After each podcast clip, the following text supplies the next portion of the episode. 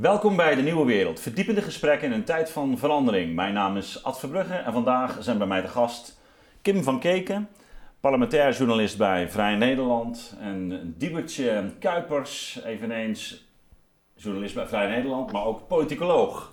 Hartelijk welkom en wij gaan het eh, hebben over hun eh, toch wel redelijk kritische manifest over de parlementaire journalistiek, eh, waarin ze niet alleen kritiek leveren, maar ook zeggen hoe het beter moet.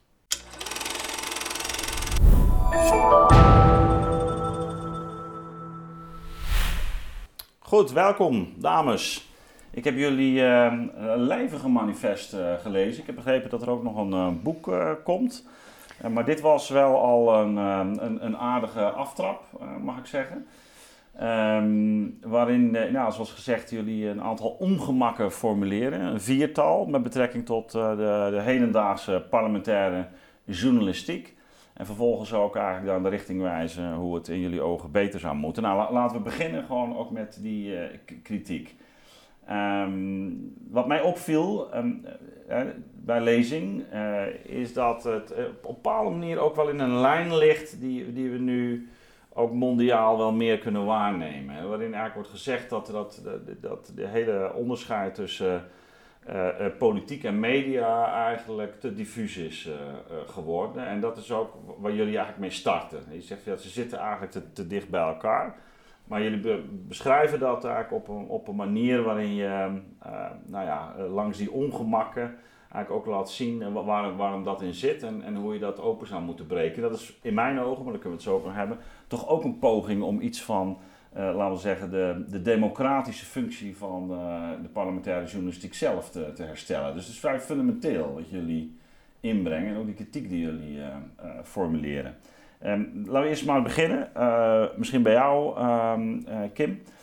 Ehm, wat zijn de reacties geweest als we daar maar eens mee, mee starten? Nou, vooral heel, heel stil eigenlijk bleven heel vanuit stil. Den Haag. Oh, dus je bent blij dat je hier zit. ja, eigenlijk. Nee, we hebben wel reacties gehad. Maar het grappige is uh, ook wel, ook wel van, van, van, van mensen die uit Den Haag komen. Maar vooral van mensen die niet meer in Den Haag zitten. Dus uh, vooral oud-parlementaire journalisten of journalisten die juist niet in Den Haag werken, maar het wel herkennen. Uh, daarvan hebben we veel bijval gekregen. Uh, wat, we, wat we een beetje horen, maar niet, niet direct, is, is, is dat mensen zeggen: ja, die kritiek is niet nieuw. En uh, um, ja, jullie gaan nu een beetje verzetten tegen de macht, maar ga je dan niet heel erg oppositioneel zijn en alleen maar de rol van de slachtoffers kiezen? Dus dat zijn een beetje de twee smaken die ik uh, terug heb gehoord. Ja, je, je refer, jullie refereren ook nog wel aan de, aan de toeslagenaffaire. Ja. Is, is dat ook de directe aanleiding geweest? Nou ja, ik denk eigenlijk dit manifest is ook vooral een resultaat van gesprekken die wij sowieso al, want wij werken sinds 2018 al samen. Ja. En dan heb je het ook tijdens je verhalen. Uh, of die nou, hè, de ene keer gaan ze bijvoorbeeld uh, over onderzeeboten en de andere keer uh, gaan ze inderdaad over nevenfuncties van senatoren. Dus dat is heel uiteenlopend. Maar in gesprekken met elkaar zie je op een gegeven moment ga je mechanismen identificeren. Dus dan kom je dingen in elk dossier kom je tegen. en hetzelfde wat ons doen, en dat is een gedeelde ergernis inderdaad wat wij ook hebben, is dat je ziet dat de pers, en met name de parlementaire pers, um, zich niet ervan bewust lijkt te willen zijn dat zij ook een rol hebben in uh, politieke besluitvormingen. Dus dat zou ik maar zeggen, hè, de, de, keuze die je doet voor bepaalde onderwerpen en de vragen die je stelt of misschien juist niet stelt, uh, dat heeft een wisselwerking met de politiek. Uh, en dan wordt heel vaak gedaan, en wij vinden eigenlijk ten onrechte van, nee, ik, ik breng alleen verslag uit. Um, en wij zijn van mening dat dat dus echt niet zo is. Want op het moment, hè, dat klein voorbeeldje, als jij aan een talkshowtafel gaat zitten um, als parlementair verslaggever, omdat de minister zelf er niet wil gaat, gaan zitten, uh, omdat er geen politieke winst uh, qua beeldvorming valt te behalen. Maar dan ga jij als parlementair verslaggever wel eventjes het standpunt van de minister duiden die er niet wil zitten. Dat gebeurt. En op zo'n moment ja, ben je dus echt wel onderdeel ook van het politieke spel. Uh, en verlies je dus eigenlijk ook een beetje die journalistieke distantie ja, die je ja, eigenlijk zou is, moeten hebben. Dat is ook wel een, een hele centrale boodschap, een hele jullie analyse van uh, de, de media, maar ook de, de, de, parlementaire journalistiek dan in het bijzonder. En zijn gewoon een onderdeel van het politieke spel uh, geworden. Ja. Um, uh, waarbij um, ook strategieën eigenlijk worden ontwikkeld. Um, waarbij een, enerzijds, je zou kunnen zeggen, de politiek daar bewust op, op inzet en dat ook gebruikt. Ehm, maar aan de an- andere kant ook de journalistiek ehm, dat zich ook laat welgevallen of daar ook voordeel bij heeft. En je zegt, volgens mij is het motto van het manifest ook, eh, dat, dat eh, eh, schuift toch niet steeds zo st- steeds in de richting van de macht, van de zittende macht. Ja. Zo, dus dat is toch de titel, meen ik? Ja, Ja, ja. Dus, dus, de- dus, dus je, mm, je, je, je, ja, je ziet eigenlijk een du- dubbele beweging.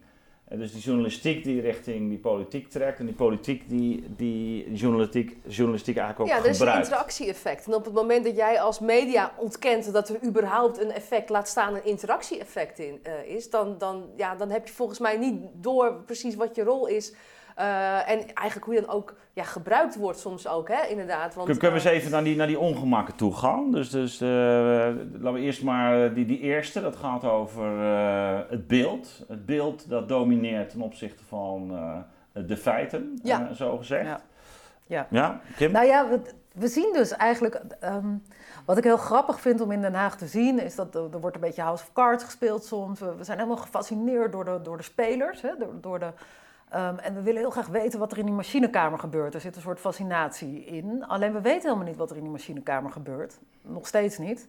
Ook al posten we elke dag bij de formatie, eh, we weten helemaal Ja, niks. dat is, dat is bijvoorbeeld de formatie. Ja, inderdaad. maar nog Ja. steeds weten we niks over de formatie. We Nee. weten wat het regeerakkoord is, maar we weten nog steeds niet hoe het echt is gegaan. Dus we weten maar 5% van wat er echt gebeurt daar in die, in die kamers. En toch pretenderen we dat we heel veel weten. En dat gaat dan heel veel met heel veel beeldvorming. Dus heel Mhm. veel eh, over, eh, nou ja, welke, welke kussentjes had, eh, had Kaag of eh, die wil niet met die. Eh, dus dus het, wordt een soort soap bijna. Mhm. Het zijn wat ook valse wordt. details, zie je vaak. Hè? Dan ook in zo'n reconstructie van hoe dronk je zijn koffie. Ja. Als een soort detail om te laten zien. Het is ook een beetje ego, een beetje borstklopperij van... Oeh, ik zit zo dicht op de macht. Ja, ik weet precies hoe hij zijn koffie drinkt. Terwijl eigenlijk inhoudelijk is dat... Ja, het is misschien een leuk detail wat dan even aan je wordt gelekt. Maar het geeft ook de valse illusie naar je lezers toe dat je... Hè, want de, de, de, de, suggestie is nou, als je weet hoe iemand zijn koffie drinkt, dan weet je de rest ook wel. Maar dat is dus niet zo. Maar jullie Eh, gaan nog wel een stap verder, want je zegt ook, de journalisten laten zich ook eh, gebruiken. Ja, absoluut. Maar dat Nou, zeker. eh, nou, maar dat ja. is. eh, eh, een NRC-redacteur die vertelde ook in een podcast letterlijk. En, en bij NRC doen ze dus ook niet meer re- reconstructies. welke, volgens redacteur mij was Mark? Lieversen. Ja. Mark was dat, ja. Ehm, maar bij de Volkskrant hebben ze ook gezegd, we doen geen reconstructies meer. En dat is echt heel goed. Want wat er op een gegeven moment gebeurde is van, je hebt gewoon vier coalitiepartijen. En die zeggen, nou, de kranten gaan bellen. En dan geven we die dat detail en die dat en die dat. Dat spreken gewoon de coalitiepartijen met elkaar af. Zodat gewoon iedere krant zijn eigen soort reconstructie krijgt. Ehm, Ja, dus ze kunnen, eh, zij zijn eigenlijk aan zet da- eh, Ja. daarin. Ja, dan word je gewoon. Maar ik heb ook wel eens een keer gehoord, dat was echt grappig. Dat vertelde echt een eh, spindokter tegen mij. Dat, dat de onderhandelingen waren niet, nog niet begonnen. Of er stond al verslaggever voor zijn neus van. mag ik straks bij je langskomen voor de reconstructie?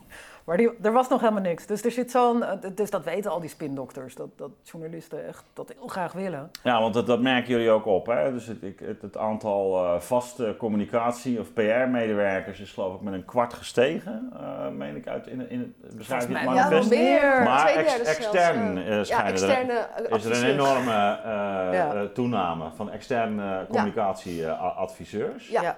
Dus, dus da- daarin zie je ook al, al dat die overheid en ook die politiek ehm, eh, dat, dat, dat beeld ook steeds belangrijker eh, is gaan eh, vinden.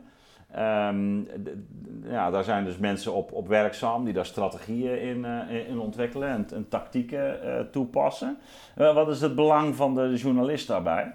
Als je zegt van ja, ze laten zich gebruiken. Ja, je moet dat- wel- Ja, je moet het veel meer doorprikken. En dat gebeurt nu niet. waarom niet?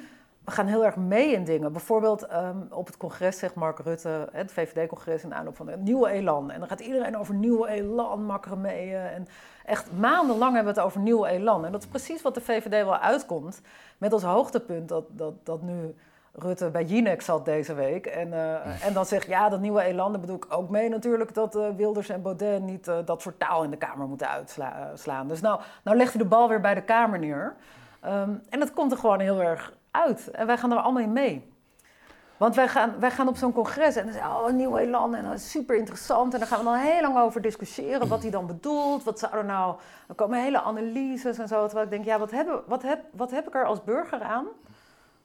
Aan al die analyses daarover, zeg maar. Ja, en journalisten gaan ook mee in een spel waarin zij zelf niet langer de spelregels formuleren. En dat denk ik is En, heel erg en wat voor kwalijk. baat hebben ze daarbij? Nou ja, het is, kijk, aan de ene kant denk ik ook wel, want wij hebben natuurlijk wel, moet ik wel bij zeggen, wij hebben makkelijk praten. Hè? Want we Nee, werken natuurlijk nee. voor een maandblad, inderdaad, het opinieblad. We krijgen volle ruimte, we krijgen ook alle tijd om rustig alle debatten eens door te spitten. Om eens gewoon een memorie van toelichting erbij te pakken, om wat mensen te bellen. Dus je, je werkt natuurlijk wel, kijk, de dynamiek van bijvoorbeeld een krant en verslaggeving is heel anders. Ja. Eh, maar zelfs daar zeggen we ook wel bij van ja, je kunt ook daarin duidelijk keuzes maken. En nu is bijvoorbeeld Prinsjesdag een heel goed voorbeeld. Hè? Dan worden de stukken gelekt. Het is altijd het goed nieuws wat lekt. Eh, terwijl eigenlijk zou je vanuit journalistiek oogpunt moeten zeggen van nee, dit, dit is geen nieuws, dit is PR. Want PR is om juist alleen maar de goede informatie of het coalitie welgevallige informatie naar buiten te brengen.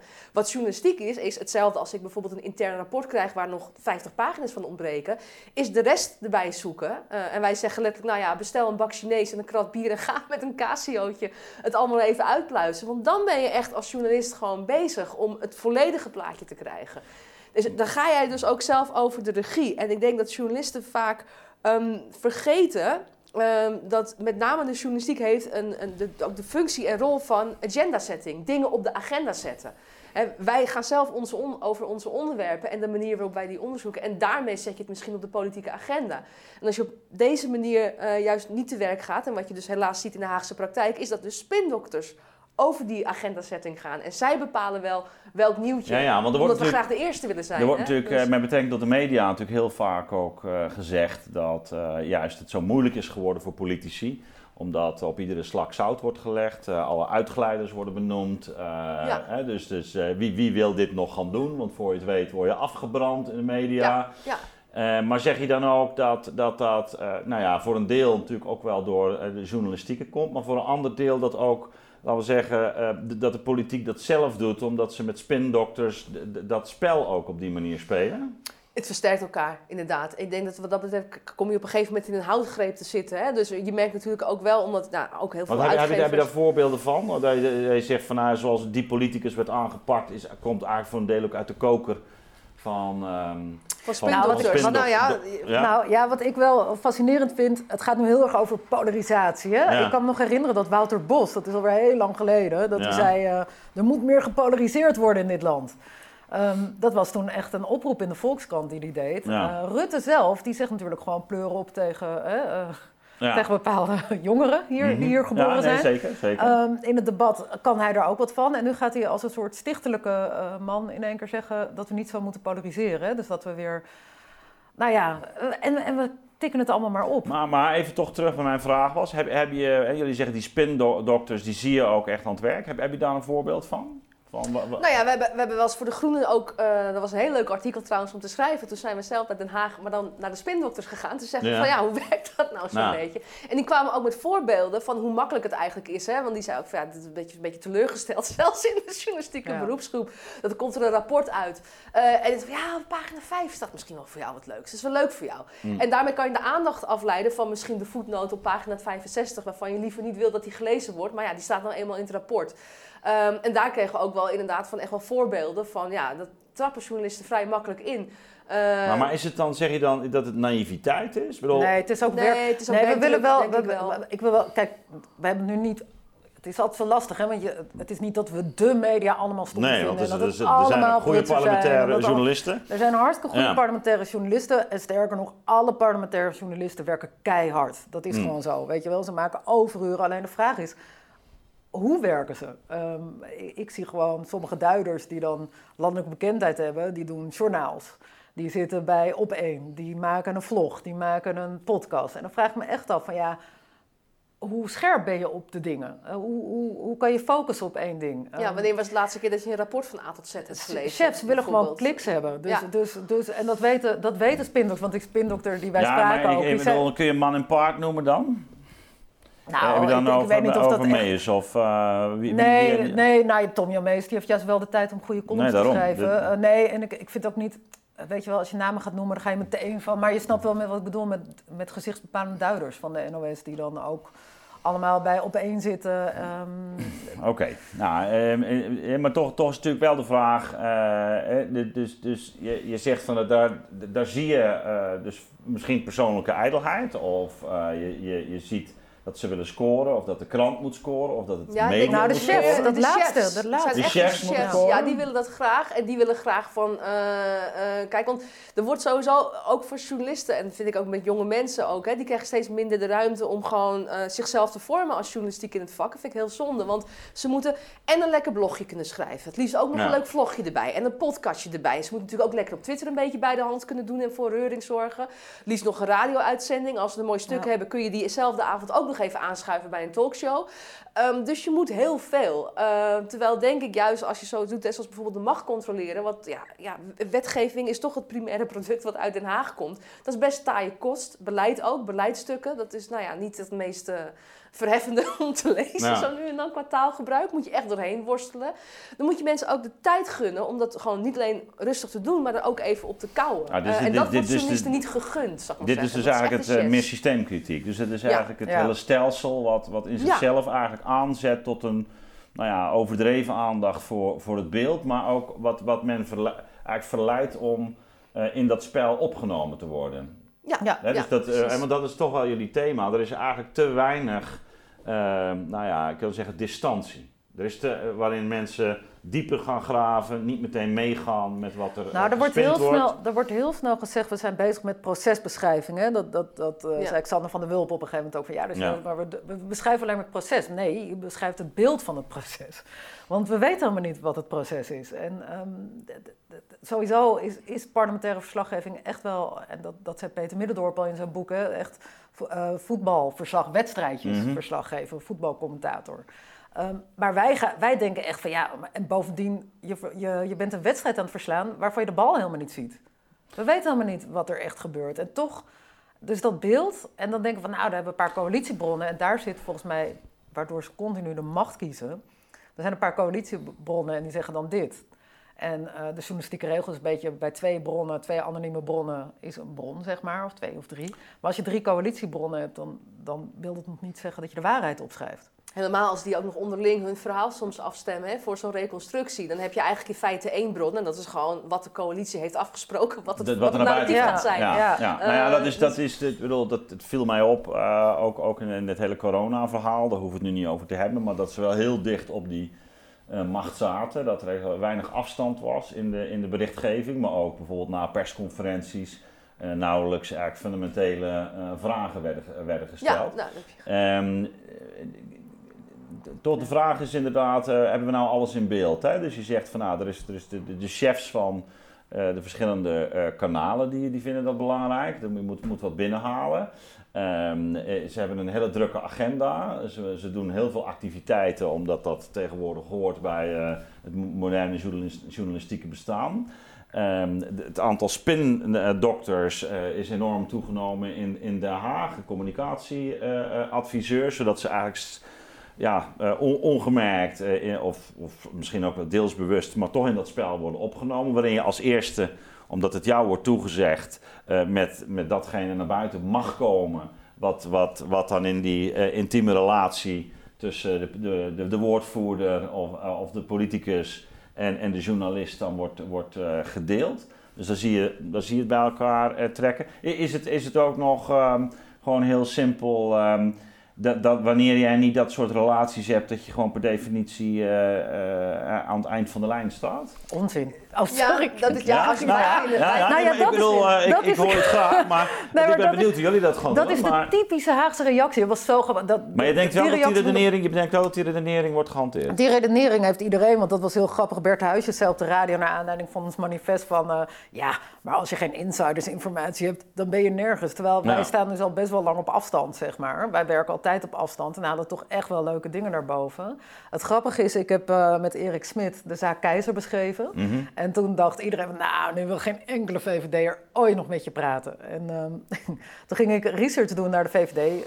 anderhalf jaar later voor de Groene Dat Amsterdammer. was toen die, eh, die zaak met die, eh, die VVD'er die, eh, die, die eh, tevens... eh, De voorzitter die, die zichzelf best wel schaamteloos verrijkt had, zeg maar. dat- Eh, die had toch een soort begrafenis... eh, hij had een begrafenisondernemer. onderneming? Ja, ja, Niemand zo, die wist Ja, wat hij nee, deed. En- even de- nee, de ja, nee, zeker. Ja, nee, sorry, voor mij is Ja. natuurlijk gesneden koeg. Maar dat was een VVD-voorzitter die begrafenisondernemer was. En iedereen die zag hem als een zelf, self-made miljonair. Maar hij, hij had wel zich best wel schaamteloze wijze Ja. verrijkt. gereikt. Helaas is hij overleden, dus dat, weet je wel, Ja. dat maakt het wel moeilijker om, eh, om er nog met gestrekt benen over in te gaan. Ja. Maar toen, toen zei iedereen, nou, dan wilde echt niemand meer met je praten bij de VVD. Toen ging, ging ik een eh, stuk maken over hoe de VVD veranderd is als partij. Dus de structuur echt, echt, dat ook onder Mhm. Ja. Keizer echt gecentraliseerd is. Dus afdelingen hebben steeds meer te zeggen. En eh, het debat is echt verstomd binnen die partij. En nou ja, ik had, ik had twee weken research gedaan, een hele grote vragenlijst gemaakt. En ik, eh, ik belde naar de voorlichter van de VVD, van het partijkantoor. En eh, die zei, nou stuur die vragen dan maar op. En toen kreeg ik echt binnen een half uur, ja, de partijvoorzitter, de nieuwe partijvoorzitter, Christiane van der Wal, wil je graag spreken. Dus mijn idee is juist, als je wel goed je werk doet, dan kom je er ook, weet je wel. Alleen het kost wel meer moeite. Ja. Ja. Ehm, maar dit is dus wel een deel van de strategie van eh, wij geven jou je primeur, ehm, eh, maar dan moet je ook wel loyaal zijn. Dat is, dat is, dat is iets wat Nou ja, wordt, wordt eh, ge... Kijk, er wordt altijd gezegd, we maken geen afspraken. Maar als jij een primeur krijgt, dan krijg je nooit het hele wetsvoorstel. Je krijgt altijd een half persbericht. eh, en dat krijg je altijd twee uur voordat de deadline is... van wanneer je krant zakt of wanneer je uit moet zenden.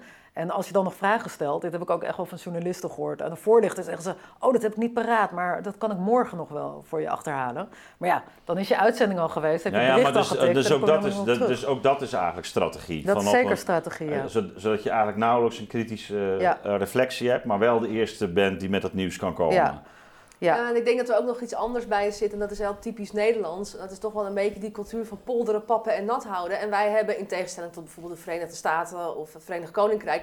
vind ik geen gezond kritisch wantrouwen richting onze overheid. Nou, dat, dat Eh, noemden jullie ook eh, als een van de... We lopen ze nog door, hè? We lopen Ja. ze nog door. Maar neem dat uitstekend. Maar dat is, dat, is, Ja. dat is iets wat je denk ik juist, juist door die coronacrisis juist heel erg versterkt zag worden ook. Ja. Tot in het ridicule werd het soms echt. Die- Hoe, hoe echt ook met eh, Ja. de macht werd mee. Want daar heb je natuurlijk vecht wat je vaker ziet in crisistijd. Dat heet het rally around the flag effect. En in crisistijd zie je vaak ook door een absentie van de oppositie... dat daardoor eh, de zittende macht eh, veel populairder wordt. Eh, en dat komt ook omdat die steun krijgen van het elite-narratief. Het meest extreme voorbeeld is natuurlijk hè, de Irak-oorlog... dat zelfs de Ja. New York Times er nog net niet hippie hoera riep Ja. voor de inval met die massavernietigingswapens. Maar dat gebeurt vaak in tijden van crisis. En, Nou, en we, zitten, we je... zitten nu midden in een oorlog, hè? Ja, waar- waar, waar, precies, denk ik ook precies. een bepaald soort berichtgeving over heeft plaatsgevonden. Maar eh, dit is Ja, maar in ieder geval, je, je ziet dat het dan al versterkt. En wat het in Nederland denk ik nog erger maakte, is omdat wij al een grondbasis of een grondhouding hebben, die er één is van, ja, wij vertrouwen de, wij vertrouwen de overheid ook heel goed. We vertrouwen ze echt op de blauwe poppetjes van hun ogen. Ehm, dat merk je ook, daarom noemden wij de toeslagenaffaire ook als zo'n goed beeld, omdat gewoon journalisten konden niet begrijpen hoe het is en dat het überhaupt mogelijk is in Nederland dat burgers echt vermalen worden in overheidsmachinaties. Omdat, ja, eh, veel journalisten zitten ook hè, een beetje in een randstedelijke bubbel, hoog opgeleid, Ja. et cetera. Die kunnen zich niet voorstellen hoe dat is om, nou ja, toch, eh, hè, als Ja. je uit een lage sociaal-economische klasse bent, wat minder middelen hebt om je recht te halen, omdat, ja, die sociale rechtgeving is allemaal wegbezuinigd. Dus het is ook moeilijker om je recht tegen die overheid te halen. En wat voor tegenkrachten je daarmee dan te maken krijgt en hoe je dan echt kapot gemaakt kan worden, dat konden journalisten zich Denk- helemaal niet voorstellen. Eh, Denk je dat eh, het, het feit dat we sinds pak een beet eh, de opkomst van Fortuin eh, toch ook echt te maken hebben met een soort populistische hete adem, ehm, dat dat ook effect heeft gehad in, in die berichtgeving? Want bedoel, je ziet wel dat bijvoorbeeld destijds men ook in, in een reflectie, ik kan me dat nog wel goed herinneren, zo na de moord op Fortuin, ik zeg van ja, we hebben echt iets gemist. Ja, dat Hè, heb je nu nog steeds. Maar de, de- wat, wat wel wordt gebeu- ge- Ja. wat je vaak ziet gebeuren, dat er een soort van pastiche op de gewone man.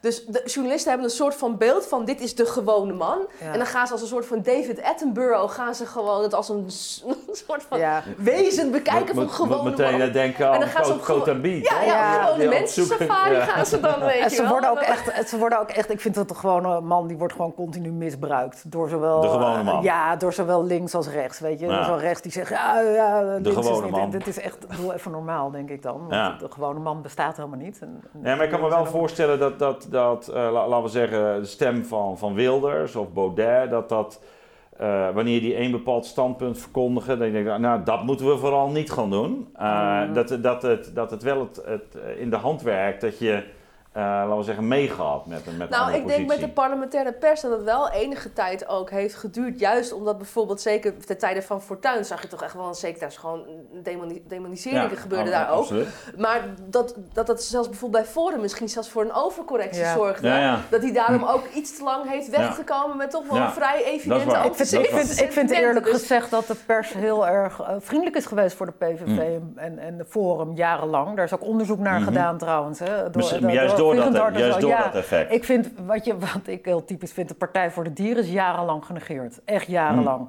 Ehm, eh, er was zo'n moment dat ik echt dacht, dat was echt een beetje gênant. Toen, toen werd Partij voor de Dieren echt groot in Amsterdam. En dat, dat had de pers echt wel gemist. En toen was er uitslagenavond en toen werd er echt zo gezegd van... Oh ja, ja, want ze hebben natuurlijk Artis in Amsterdam. Gewoon bij de NOS. Dat vond ik echt best wel ik- schandalig. ja. Dan denk ik, dan mis je... Dus, ja, is in Amsterdam. ja, nou ja, nee, maar dat is toch echt Nee, gewoon... weet je wat, terwijl ik denk, er zijn gewoon... eh, eh, want ook nu nog steeds, er zijn Nou, gewoon ik- zeven zetels heeft de Partij Ik- voor de ik- Dieren. Ik, hoor denk dat, het bij, ik denk dat het bij de coronacrisis, zeg maar, dat het daar wel zo heeft gewerkt. En het is niet voor niets dat op een goed moment je de vierde golf hebt gekregen. Zeg, wacht even. Er zijn ook mensen vanuit links die kritiek hebben op het eh, Oh, ik bestaande, bestaande beleid. Ja, je ziet wel soms inderdaad een soort, een soort van kaping. Hè? Dat zie je bijvoorbeeld ook door een absentie van, van gegrond kritiek op bijvoorbeeld migratie. Dat je dan ziet dat Wilders vervolgens dit een hele portefeuille kaapt. Maar dat is denk ik toch wel iets anders. Inderdaad, media hebben daar denk ik ook wel een rol in en een verantwoordelijkheid in, denk ik. Eh, maar tegelijkertijd, van, ja, het is ook onderdeel van een politiek spel. Want dat is ook iets wat sommige politieke partijen laten gebeuren. Ja, daar gaan wij als journalist natuurlijk niet over. Ja. Als, eh, als zij besluiten bepaalde onderwerpen maar gewoon lekker rechts te laten liggen in dit geval. Ja, of andersom, goed, ja, nou, ja, zelfs- bovendien zelfs ga je- dat is een beslissing, hè? Ja, of het, bovendien of het links nu- of rechts is. Bovendien ga je nu wel voorbij aan het feit, kijk, ik bedoel, eh, Wilders die, die was eerst heel erg voor die maatregelen. eh, terwijl Nou, GroenLinks... Baudet ook, hè? Baudet hebben we ja, hele land en GroenLinks die, die dus, heeft continu iets kritischer gevolgd, maar die zitten wat meer aan die... Dus Ja. ik bedoel, ik, ik vind dat wel moeilijk om een lijn van Fortuin naar helemaal... Nou, nee, het is, het is meer. eh, trekken, dat ik, ik, ik, ik, ik denk dat het nog wel interessant zou zijn om te kijken wat, wat precies die, die, die dynamiek rond populisme is rond dit verschijnsel. Maar eh, niet dat jullie daar, jullie hebben er ook niet over geschreven, maar ik denk dat Nee, dat, dat nog is, het is meespeelt. een promotieonderzoek Dat is voor een iemand. Ja, nee, zeker. Maar ik denk, ik denk Ja, dat die, ik ja, denk dat die nog behoorlijk meespeelt.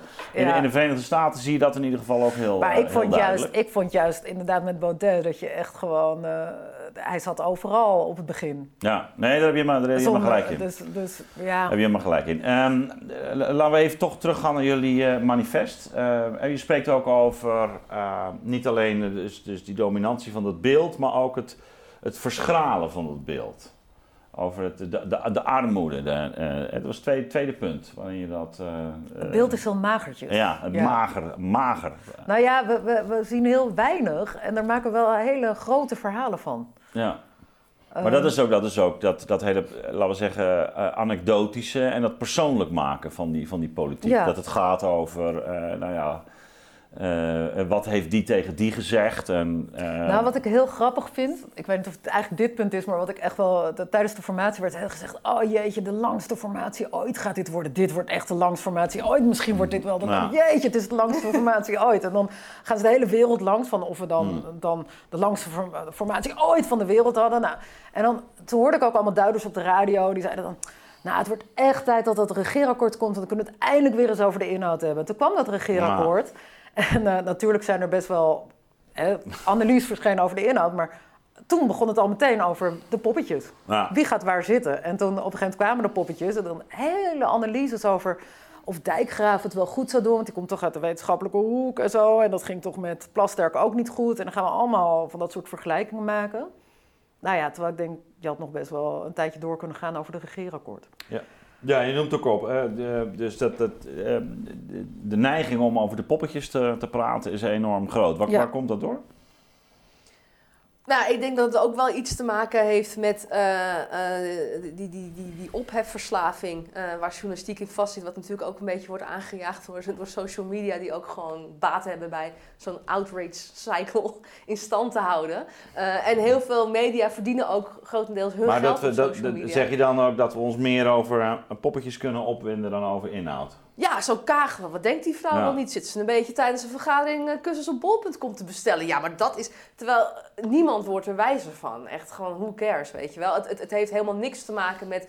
eh, de inhoud eh, en over het proces wat je op een gegeven moment ook had. Hadden we toevallig net in de auto nog over. Dat mensen heel erg gingen hebben over van, eh, ja, Rutte en Kaag kunnen ze het goed met elkaar vinden. Ja, want als je het goed met elkaar vinden, worden ook weer historische analogieën erbij gezocht. Ja, Ja. Thatcher en Ronald Reagan, nou, had ook een effect. Dus wat, en er wordt heel groots meteen gedacht. Terwijl... Het is allemaal speculatie. Maar op basis daarvan gaat men wel op zoek naar historische analogieën. Ehm, dus dat zie En, je. en creëert men natuurlijk ook het spektakel. Hè? Ik bedoel, ik zit even natuurlijk aan die Ja. notie van de spektakeldemocratie. Ja. Ja, ja dat is het ook een Eh, beetje. eh, eh, En dan zie je ook dat persoonlijke relletjes natuurlijk al een, eh, een, enorme eh, eh, omvang kunnen krijgen Ja. of kunnen worden opgeblazen. Ja, en, en politici werken daar zelf ook aan mee. Hè, door zelf bijvoorbeeld korte filmpjes te knippen. Daar is gelukkig vanuit de Kamervoorzitter dan wel kritiek op gekomen. Van nou, misschien moeten we dat maar gewoon niet meer doen. En die zijn er ook op aangesproken. Maar dat, zo zie je wel, dat, dat ook daar zie je die wisselwerking meteen. Hè? Want ze zien ook van, goh, de media zijn altijd op zoek naar korte filmpjes. Zeker in talkshows. Hè? Als Ja. er een, een duiding moet komen, worden er allemaal leuke filmpjes geknipt. En daar mag dan de duider iets over zeggen. Nou ja, dan zie je dat politici alvast proactief die filmpjes gaan aanleveren. Eh, hetzelfde wat je ook vaak ziet, dat is ook weer eh, heel erg in de laatste tijd, eh, om bijvoorbeeld stemmingen, in, eh, stemmingen te delen van moties. Om Ja. daar dan schijnbare hypocrisie van elkaar aan te tonen. Hè, dus, terwijl ja, soms stemt iemand tegen de motie omdat iets al kan volgens de wet. Dan heeft zo'n motie Hmm. weinig nut om nog te doen. Maar ja, dat, dat past natuurlijk niet in die 240 tekens. Ehm, maar je ziet ook inderdaad, het punt wat ik wilde maken, is dat ook hier politici proactief, met name op Twitter, eh, daaraan meewerken. Omdat ze ook weten dat journalisten op Twitter vaak op zoek zijn naar onderwerpen. Eh, en daar maar, dus ook. maar, maar je noemt eigenlijk twee dingen. Hè? Dus het is eh, zowel, eh, laten we zeggen, de, de, het medium zelf. Ja. Hè, dus bijvoorbeeld Twitter, een heel duidelijk voorbeeld, maar Instagram ook. eh, de, of, eh, dus, dus juist korte, korte, korte fragmenten, filmpjes die heel snel binnen een netwerk eh, rondgaan. En dan eh, commotie veroorzaken. Soms overigens alleen maar in een vrij kleine kring, op andere momenten inderdaad massaal. Dan vervolgens de talkshows of zo die daar weer op reageren. Of eventueel de krant die, waarin daar een opinie eh, eh, of een column over eh, geschreven wordt. Dus die krijgt dan ook echt wel de medium is de message op deze... Ja, en dan Eh. nog een lekkere meta-analyse, hoe het allemaal zo snel uit de hand had kunnen lopen. En zo houden we elkaar Ja. lekker zoet. Ja. Ehm, maar ja, Ja, ja ik, moet, ik moet heel erg aan Samuel Borsten denken. De, de, die Image, die schrijft het, een, een boek dat in de jaren 60 is geschreven, echt ook visionair. Eh, maar die het ook heeft over de, het, het, het, ehm, eh, het me- ja, media-events. Dus, dus het, het- de, gebeurtenis is eigenlijk geanceneerd.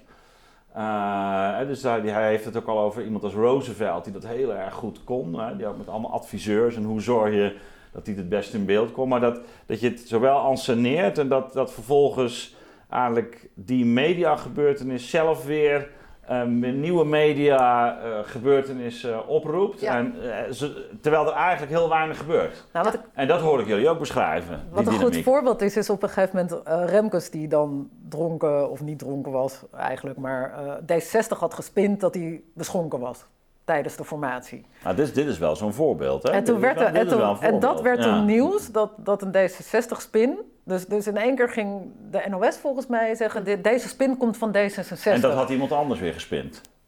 En dat het, nou, dat, nee, volgens mij had de NOS dat gewoon gezegd, zeg maar. Maar toen, Ja? toen, toen, ging, toen, ging de telegraaf, die- toen ging de Telegraaf schrijven over de magere mannetjes van D66 die allemaal vuige spins doen. Toen dacht ik wel, ja, elke partij... Ik bedoel, nu haal je in één keer Ja. D60 eruit, maar dit kan je over elk... Nou, misschien de ChristenUnie niet.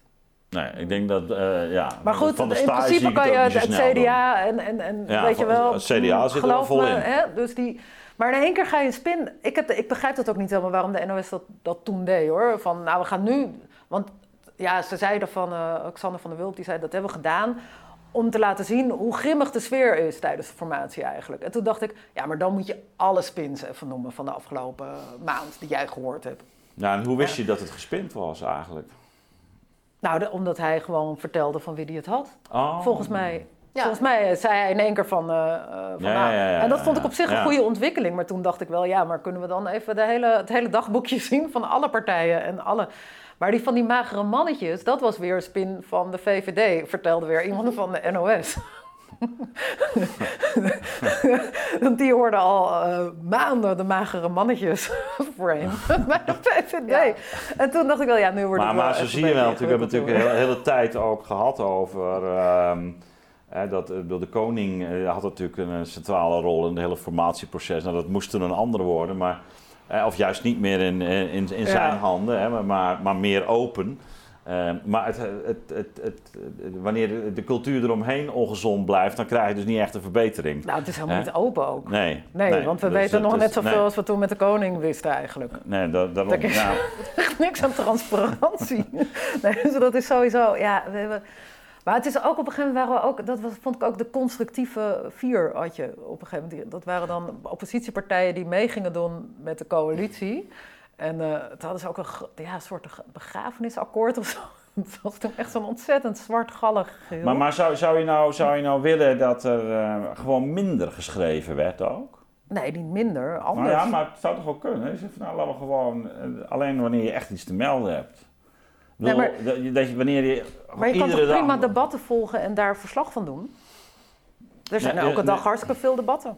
Dus het hoeft helemaal niet minder geschreven nou ja, te worden. Okay. Sterker nog, ik denk, en dat zie je ook gewoon van, zeker als je bijvoorbeeld uh, uh, onderzoek doet of zo voor, voor een uitgebreid achtergrondartikel, dan ben je juist heel erg afhankelijk van goede, deugdelijke verslaggeving. Ja. Want bijvoorbeeld, hè, laatst ook hebben we bij een artikel moesten we dingen uit eind jaren negentig reconstrueren. Nou, dan ben je echt wel blij dat er gewoon goede verslaggevers zijn ja, die gewoon maar, maar dus, dus, dus, dat er anders geschreven wordt en over andere dingen. Hè? Dus je niet uh, alles over zo'n formatievol kalkt, maar gewoon meer, meer dan een, een, op, op een diepgaandere manier analyseert wat de problematiek is waar het land voor staat. Ja. En wat de verschillende uh, uh, posities zijn van partijen daarin. En wat de dilemma's zijn. En wat, uh, dus eigenlijk veel, veel analytischer, maar ook iets meer op afstand te staan ten aanzien van die dagelijkse. Ja. Nou, niet eens analytisch, het gebeurt gewoon meer feiten. gewoon. Ge gebeurt dat meer? zie je landen waar het wel beter gaat? Poeh. Ja, ik vind het heel erg moeilijk te zeggen, want ik noemde net bijvoorbeeld ook de Verenigde Staten. En daar zie je bijvoorbeeld ook, zeker in de VS, hè, zie je ook... Nou, daar, daar is het volgens mij bij, ontwik- ja, zie je CNN bijvoorbeeld, hè, die echt gewoon, kijkers gewoon, gaat Holland achteruit. Terwijl je echt gewoon toch wel vrij gerenommeerde journalisten zoals nou ja, Glenn Greenwald, Matt Taibbi, die gaan dan via Substack. Dus die gaan echt op een hele andere manier ook veel meer zelfstandiger, autonoom, buiten de, de, de wat meer gevestigde mediapartijen werken. Dus er gebeurt denk ik wel sowieso heel veel op het gebied van journalistiek. En ik denk dat het misschien ook te maken heeft, maar dat, ja, dat, dat is mijn hypothese mm erover, dat, dat binnen de journalistiek hebben we ook niet echt een hele goede, gezonde omgang weten te vinden en verhouding ten opzichte van social media en digitale ontwikkelingen.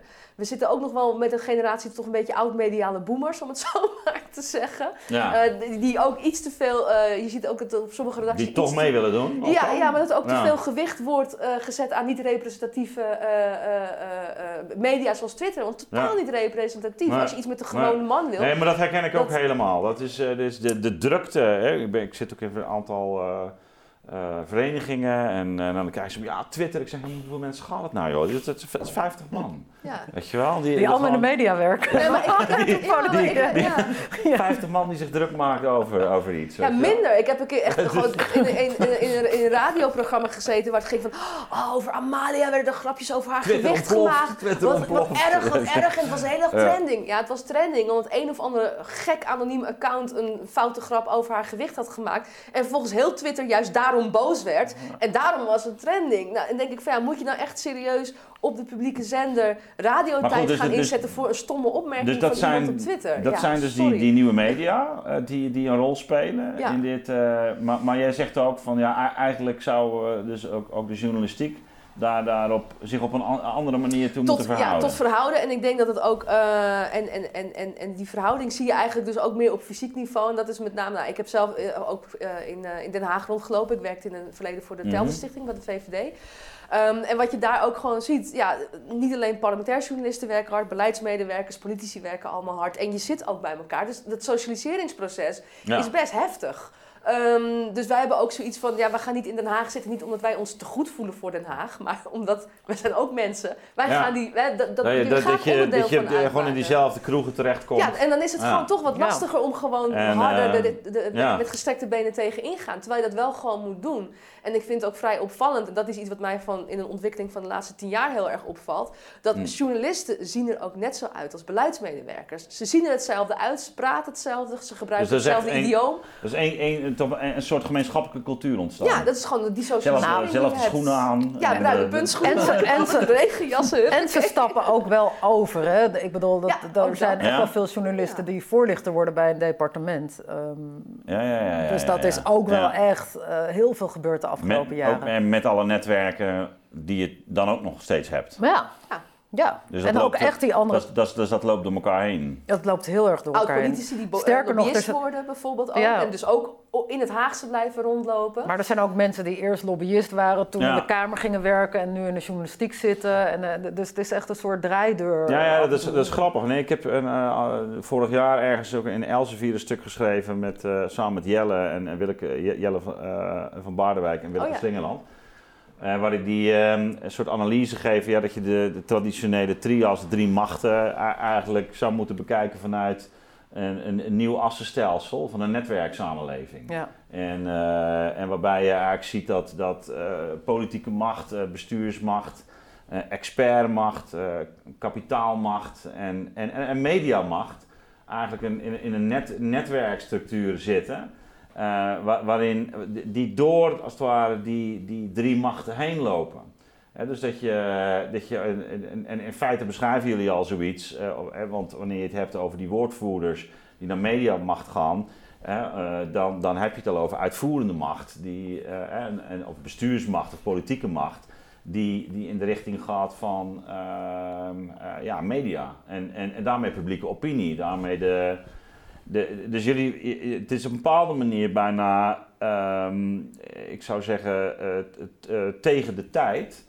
Eh, om, om, dat, voorstel wat jullie doen, is op een bepaalde manier a- eigenlijk toch een soort poging om, om, om die machtenscheiding iets sterker weer te krijgen. Ja, we, we- we denken dat, want, want eigenlijk, het- waar ik ook zelfs wel eens grapjes over, van eigenlijk pleiten we gewoon voor hele ouderwetse, degelijke Ja, journalistiek als reactie op de boomers. Dus dat is We gaan gewoon weer. het internet Ja, niet snappen, ja. weet je wel. Dus, maar het is inderdaad denk ik wel gewoon een herijking. En het is voor ons ook wel gewoon een kwestie van beroepseer ook. Hè? Want je, je- ik, ik ben geen journalist geworden om juist... Ik, ik, ik denk, is journa- journalistiek als roeping. Nou ja, ik denk eigenlijk, ik ben ervan overtuigd, er zijn twee Hmm. velden waarin onafhankelijkheid van geest een absolute vereist is en ook gewaarborgd kan zijn. En dat is in de wetenschap en in de journalistiek. Ja, maar ook, ook in die wetenschap is daar natuurlijk, we hebben dat ook nu Ehm, ook gezien. onder druk. Hè, bij, Ja. de, bij ook uitvoerende macht. Ja. Maar, ehm, eh, Ja, want ook die, zijn, problematiek. ja, die vallen ook ten prooi, precies Ja, hetzelfde dus ex- aan. maar- hè. Maar ook die Ja. experts die dienen ter legitimatie van, van, de, van de politieke besluiten, ja. de bestuurlijke besluiten. Ja, nou ja, journalisten net zo. Ja journalisten, journalisten misschien waar het gaat om de, de, de, ja, de legitimiteit die je krijgt eh, bij de publieke opinie. Ja, en ook door inderdaad je onderwerp te kiezen en de manier waarop je onderwerpen bespreekt, heeft ook gewoon een, een, een effect. En wij pleiten eigenlijk ervoor inderdaad van, wees je juist bewust van, kijk, je ho- hoeft niet altijd vriendjes te zijn met mensen. Je hoeft ook niet onbeschoft te worden, maar het, het, zijn, het zijn niet je maatjes. En, ik, en ik, ja, eh, dat heb Kim ook gemerkt met het voorbeeld ook van hè, Christine van der Wal, die dan toch wil spreken. Ik heb het ook vaak gehad met artikelen over defensie, dat ik echt gewoon met gestrekt been erin ga. Eh, omdat ik dat kan aantonen op basis van interne documenten. Maar dat betekent niet dat ze daarna niet meer de telefoon opnemen Nou. of niet meer met mij willen praten. En waarom is dat zo? Omdat van, wij werken vanuit de premisse, wij kiezen ons onderwerp, we doen ons onderzoek, we gaan met zoveel mogelijk mensen praten. Op het moment dat er aanleiding is voor vragen, komen we wel bij het departement op de radar. Maar dan hebben we al een, het grootste deel van ons onderzoek erop zitten. Ehm, dus dan keer je eigenlijk om, eh, wat, wat, wat ja, helaas nu Als gangbaarder is geworden. Wat Ja. wel grappig is, heel vaak, Ja. soms vragen we ook gewoon informatie, ehm, gewoon informatie. En dan weten we nog helemaal niet wat we ermee willen. Oh, dat is helemaal gek worden ze Maar dat dan. snappen ze dan niet. Van, ja, maar wat wil je er dan mee? Ja, we gaan het gewoon eens even lezen. En misschien doen we er wel Ja, niks mee. Maar we gaan het wel ja. Het is de insteek van je de artikel. ja. van je Ik artikel. geen artikel. Dat, ja, altijd die vraag, wat is de insteek van je artikel? En, en ze zijn het, nou ja, niet echt gewend dat je gewoon zegt, nou, dat ga ik gewoon niet zeggen. Ja. Of dat weet ik nog niet. Het is ook heel Ik vaak. ben nog maar bezig. ze- ik ben ja, nog ik wil bezig. gewoon iets Ehm, checken. Even, ja. Maar dat Ja. zegt ook wat over, over wat... Ja, eh, nou, hè, wat voorlichters Nou ja, gewend zijn. kijk, zeg je- maar. je, begrijpt het natuurlijk op een bepaalde manier wel vanuit hun positie. Want ze proberen natuurlijk grip. Alleen Nee, de vraag maar- is, hoe, hoe ver ga je ermee? Hè? Dat is, eh, Nou, en ik vraag me wel eens af hoe andere collega's er dan mee, in- mee instemmen. Want kennelijk is het wel een vraag die dus beantwoord wordt. Want anders blijven ze dat niet vragen, zeg maar. Als dat En ik- geen, ja. geen invloed En tot slot, ik denk dat dat echt de grote misvatting van veel chefjes en, en hoofdredacties eh, is dat. Eh, eh, eh, dat, dat, dat le- ja, lezers dus altijd zitten te wachten op dit soort ophef over personen. ja. En het beste voorbeeld daarvan vind ik ook bijvoorbeeld... Hè, die WOP-verzoeken kwamen naar buiten toen de, de documentaire van Kaag. Daar zag Ja. je ook, kijk je in de keuken... hoe eigenlijk ook die spindokters gewoon... Eigenlijk over de beeldregie, dat was Ja. gewoon onderdeel van de onderhandeling.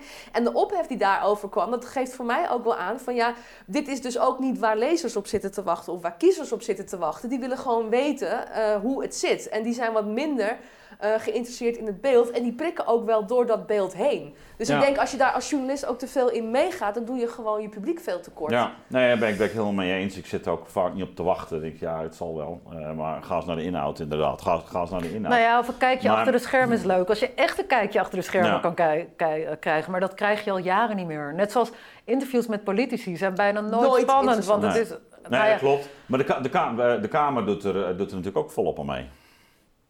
In de zin? Nou ja, die natuurlijk ook, ook gewoon heel erg op die relletjes gericht zijn. Of Ja. op uitspraken of op processen. En u hebt toen dat gezegd en toen Ja. dat. En dan Ja, maar er zijn nog meerdere dingen, denk ik, tegelijkertijd Een aan de gang. Wat het, ja, wat het moeilijk maakt. Ja. Je, Ja. Je, ja, je hebt de kamervraag inderdaad. Maar van, nou, journalisten, worden ook, journalisten worden ook wel, merk ik ook wel van... oh, er zijn kamervragen gesteld, dan heb je impact. Ja. Terwijl ik denk, ja, het ligt een beetje aan de kwaliteit Ja. van de kamervragen. en bovendien, ja, nou ja, die weet je wel. kamervragen zijn vaak ook, vindt u ook niet dat u totaal Ja? Dus ja, daar heb ook niet zoveel aan. Maar ik denk dat er ook, in de, zeker als het gaat om, om de parlementaire democratie, want echt de positie van de Tweede Kamer staat ook steeds meer onder druk. Ja. Eh, je ziet ook zeker dat in ons staatsbestel er steeds meer macht ook is Ja, gegaan ja. naar die uitvoerende Abs- macht. Dus absoluut. Dat staat echt onder druk. Dan heb je nog wat niet meehelpt, is natuurlijk de versplintering van het politieke landschap. Dat zorgt voor kleinere fracties. Dat Ja, zorgt ook dat ook één of twee mensen Ve- veel minder kennis. veel in minder kennis. Daarna zie ik ook gewoon een, een ontwikkeling de laatste vijf, zes jaar in Den Haag. Dan, ik weet nog, algemeen overleg. Nou, er stonden voorheen vijf, zes onderwerpen. Dat wordt overladen, 10 tot 15 onderwerpen soms. Als het dan bijvoorbeeld over defensie gaat, nou, dan wordt het echt allemaal opgeknipt.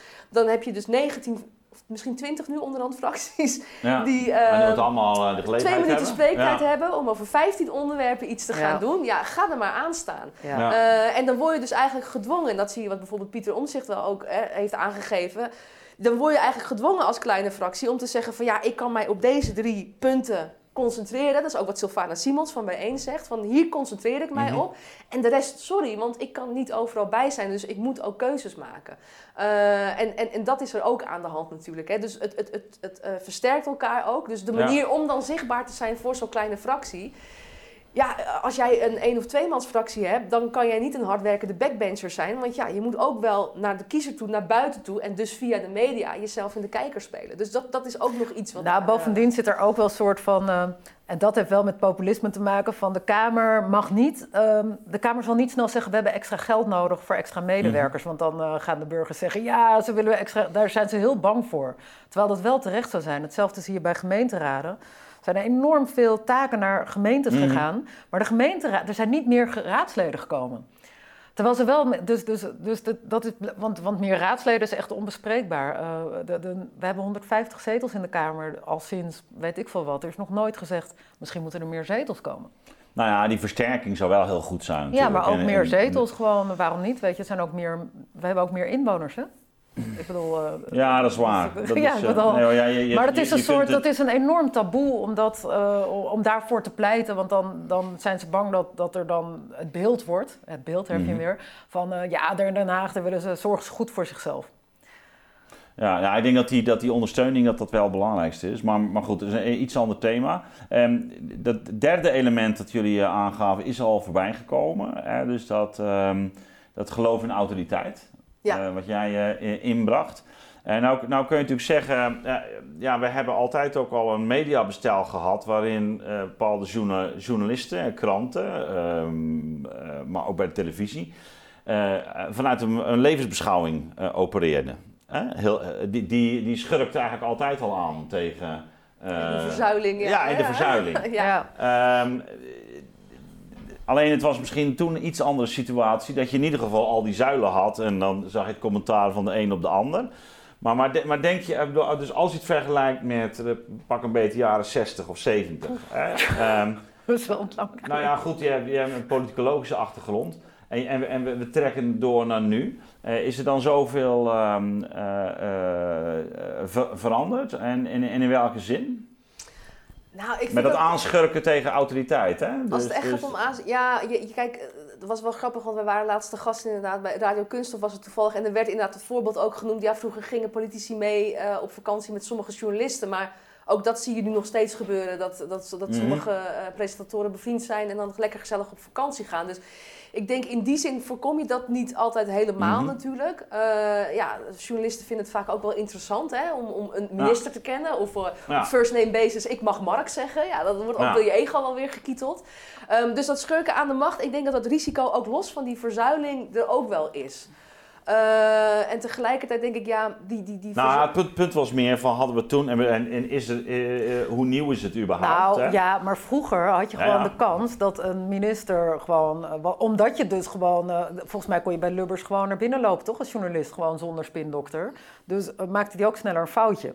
Of liet hij zich ontvallen. Nu, als jij minister spreekt, Maar is- is dan is er al een heel leger aan voorlichters eh, geweest. Ja, maar die dat, zeggen dit wat- is belangrijk. hè. Dus die dit- beeldvorming dit- wordt Precies, want dit, is wel een belangrijk verschil. Dus dat, dat, dat, dat eigenlijk we dus een klimaat zijn komen te leven waarin precies die beeldvorming zo'n eh, dominante rol is gaan spelen. Wat je zei, eigenlijk zelf ook zei, dat spinnen, die Ja, en ik woordvoerders. wou er nog iets, een andere Ja? ontwikkeling tegenover zetten. Dat komt nu inderdaad ook op wat je ook steeds meer ziet in westerse democratie. En Nederland is daar ook een van. Waarbij politiek bestuur wordt gezien als, nou ja, net als een bedrijf runnen.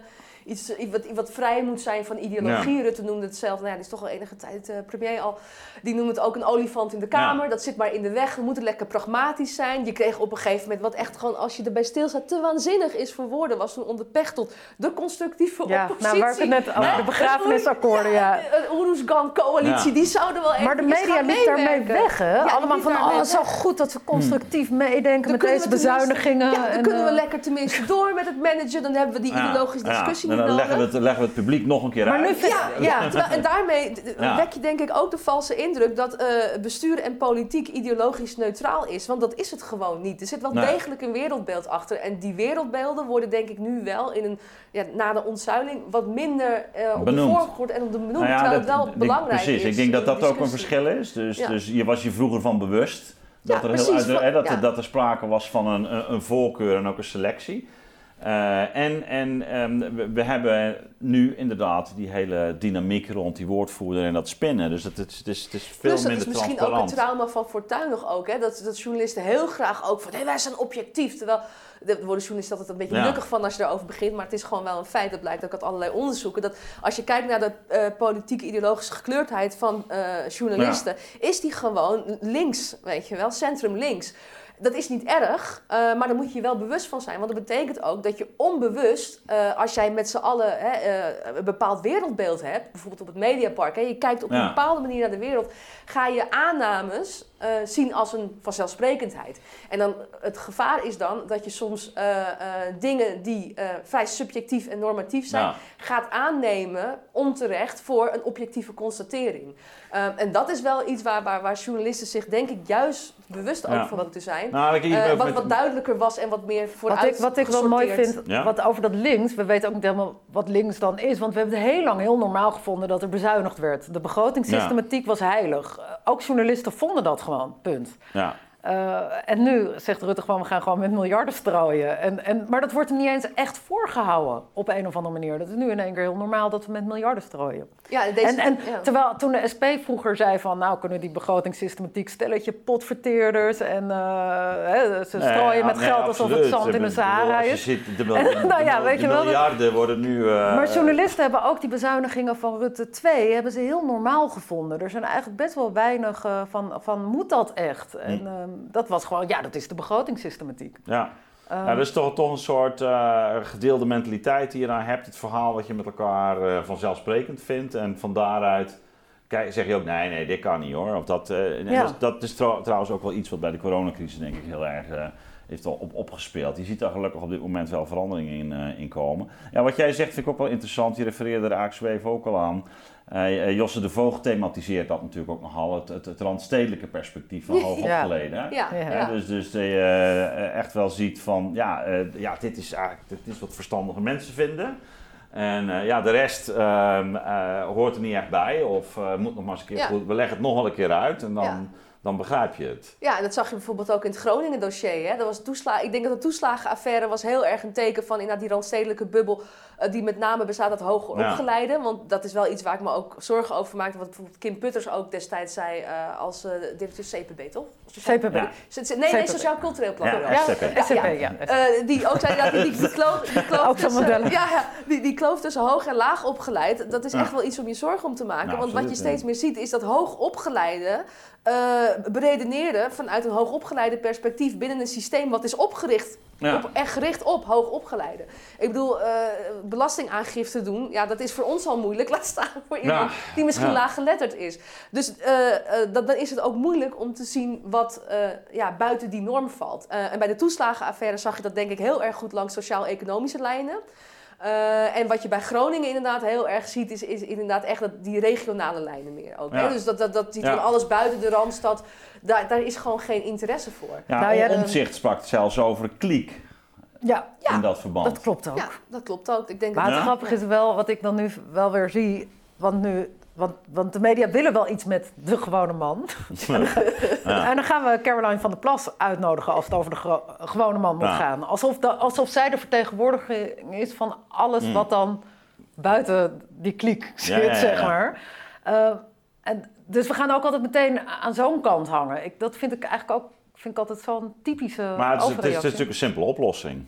Ja, het is heel simpel. Van, nou, we moeten nog iemand die de gewone man vertegenwoordigt. Ah, Vrij- Caroline, vrij, die kan vrij zo... digitaal. Zo. Ja, Ja, ja, ja, ja, ja, ja, ja, ja. Ja. Wie- wie zit in de één Rolex? telefoon. Hey, de, Voor de de, de, de vierde, ehm, even, wat was het ook alweer? Eh Ik- jullie vierde Oh, ja, we zijn, we zijn nu Dus met tien eh, ongemakken. Hè? Dus we ja, zitten zijn alweer- helemaal- helemaal we zijn alweer heel in een ongemak. andere... Ja, nee, dus al die, die autoriteit en ehm, dat hebben, hebben we nu nog besproken. En er was, was er nog een die jullie noemden in je ehm, eh, manifest.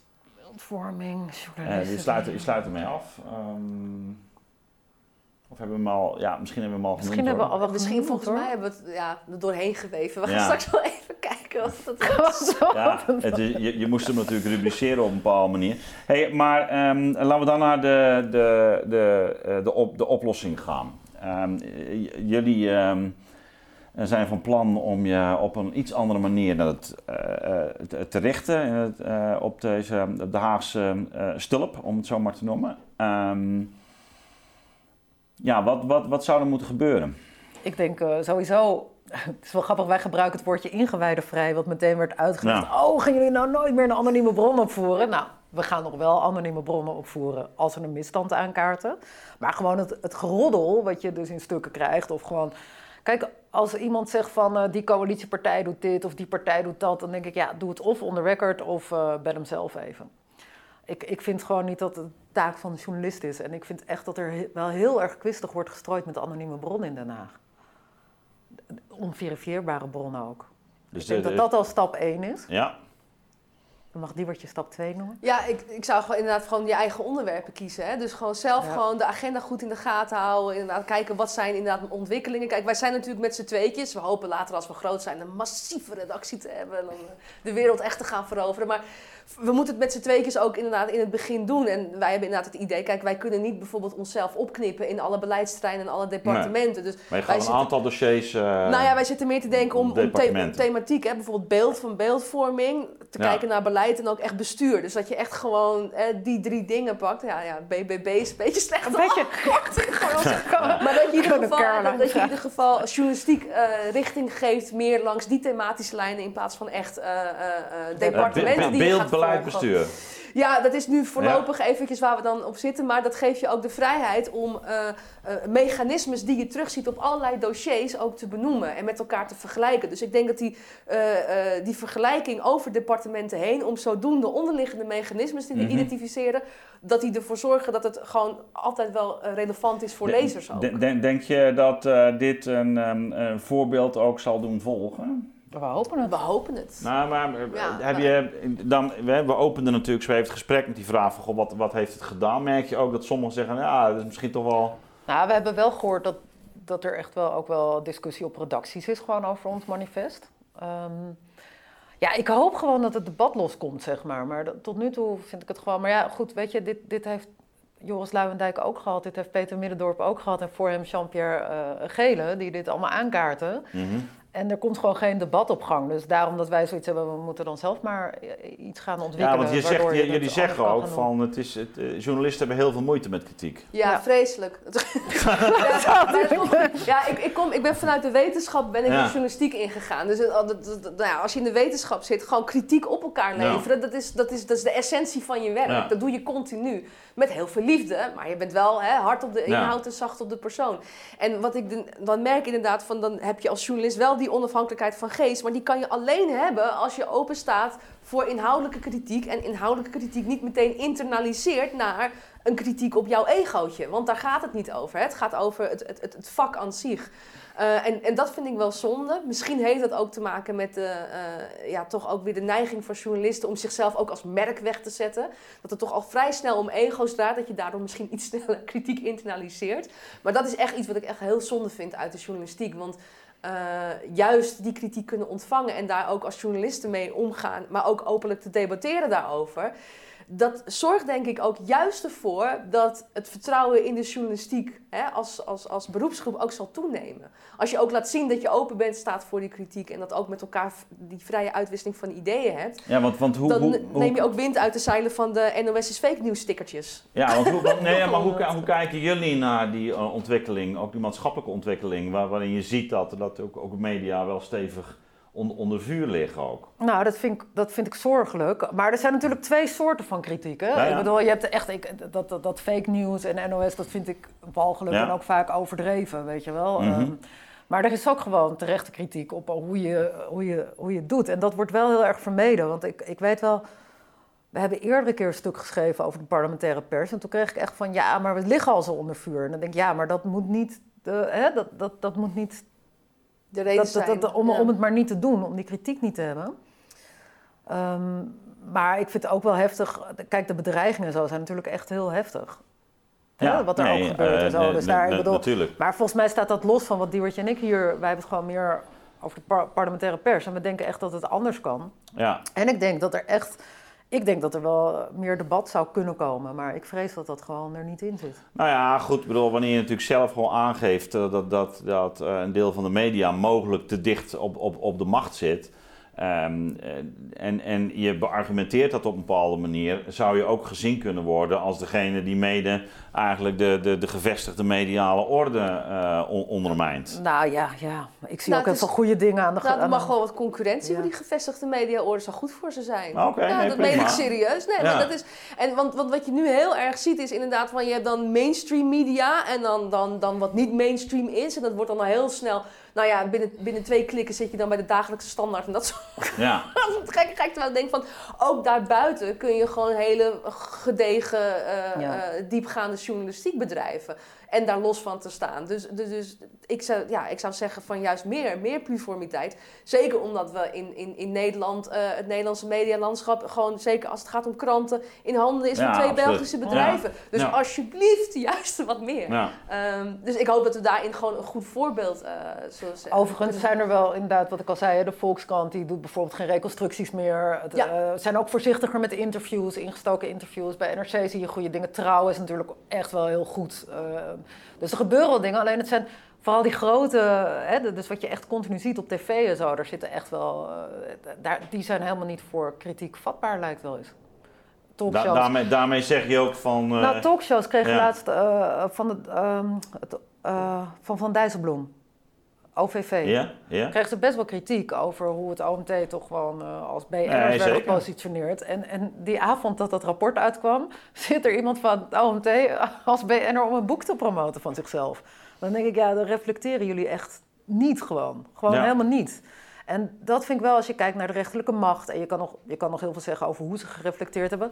De Raad van State, iedereen die heeft gereflecteerd op zijn rol in de toeslagenaffaire... behalve de parlementaire pers. En dat vind ik gewoon gek. Ja, nee, ik heb het hier ook al eens aan de orde gesteld en ik merkte meteen dat het er heel fel op gereageerd werd. Terwijl wij denken, ja, dit is, is toch wel ook een belangrijke waakhond in het hele eh, stelsel. Hoe bedoel je fel op gereageerd? Nou, dus de, de- eh, dan ga ik weer Ja. noemen, maar, nee, maar dat, dat, eh, Dat dat, dat, dat, dat is natuurlijk ja, in hoeverre heeft hè, wat, wat Omtzigt eh, zegt, eh, gaat misschien ver, maar, maar toch, en jullie halen het ook al aan, eh, het, het is toch niet echt opgepakt. Eh, afgezien van RTL en Trouw, geloof ik, die, eh, die het op een goed moment eh, hebben, hebben ehm, eh, opgenomen. Maar eh, het heeft mede natuurlijk ook zo lang kunnen duren, omdat, omdat er weinig publiciteit aan, eh aan gegeven Ja, en je werd. ziet het gewoon nog steeds. Want eh, wij merken nu ook van als je over de toeslagenaffaire begint, is in de beroepsgroep toch een beetje van ja, dat weten we nou wel hoor. Dus eerst wilden Ja. ze het niet weten. Dan duurde het echt lang voordat het ook overgenomen werd. Eh, Ron Vreesen noemde in zijn boek, nou ja, misschien Ja. is het ook een beetje jalousie de métier. Hè? Dat je niet eh, iets gaat doen, want je bent zelf niet de eerste. Dus hè, dan, dan, dan ga je er niet over publiceren.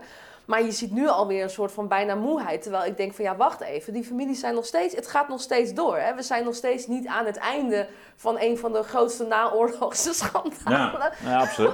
Als het gaat over overheid versus We, burger. we, we waren aan het afsluiten. Eh ja, hè, moet sorry. oppassen. Ehm, nee, dus... eh Ja, eh, dat is ook mijn fout, hè. Geen, ehm, eh, hebben we met die nieuwe richting eh, de belangrijkste dingen, dingen benoemd die jullie in gedachten hebben? Ehm, nou ja, en we willen meer. Kijk, ik bedoel, we gaan niet totaal nooit over poppetjes schrijven. Want wij willen juist meer die lobbyisten in dat speelveld eh, ook eh, in het zonnetje gaan zetten. Politieke assistenten van ministers staat ook nog op ons lijstje. Ja, want ik Ja, denk ja, dat ja, er... ja. Dat netwerk. Er zijn best Ja. wel veel poppetjes die misschien, eh, dus geen ministers en, en partijleiders en zo, maar er zijn best wel andere poppetjes waar juist wel eens wat meer de schijnwerpers op mogen komen. Oké, ja, dus de- dat in die zin eh, het, het proces in beeld wordt gebracht. Ja, In dat opzicht. Ja. Ook het proces van, van de beeldvorming zelf. Ja, democratie bewaken Ja. is procesbewaking. ja. Ja, En dat klinkt Ja. heel saai, maar Nee, dat is maar, het niet. eh, Nee, want Ja. we hebben best wel wat leuke verhalen al. ja. Eh, ja, want jullie zijn al begonnen, natuurlijk. Ja, maar het- we gaan rustig beginnen, want we zijn maar met z'n tweetjes. Dus we, Ja. moeten, we zijn nu bezig met, eh, met onze boek, het manifest in boekvorm. We moeten nog even Dus, een paar eh, woorden bij, zeg En, maar. en, dan en, en, paar- en dan komt eh, de, de versnelling erin. dan komt de versnelling hopelijk erin. En we hopen echt, eh, nou ja, we hopen dat we echt een, Dit, dit, dit voorjaar, eh, een grote redactie kunnen gaan beginnen, oké, uiteindelijk. spannend. Nou, succes. En ehm, laten we eens over een half jaar of zo eh, de balans opmaken. Ja, Nou, zeker. Ja? Gaan we doen. Leuk. Oké, hey, dankjewel voor jullie komst. Ja, Oké. Graag gedaan. Ja. ja.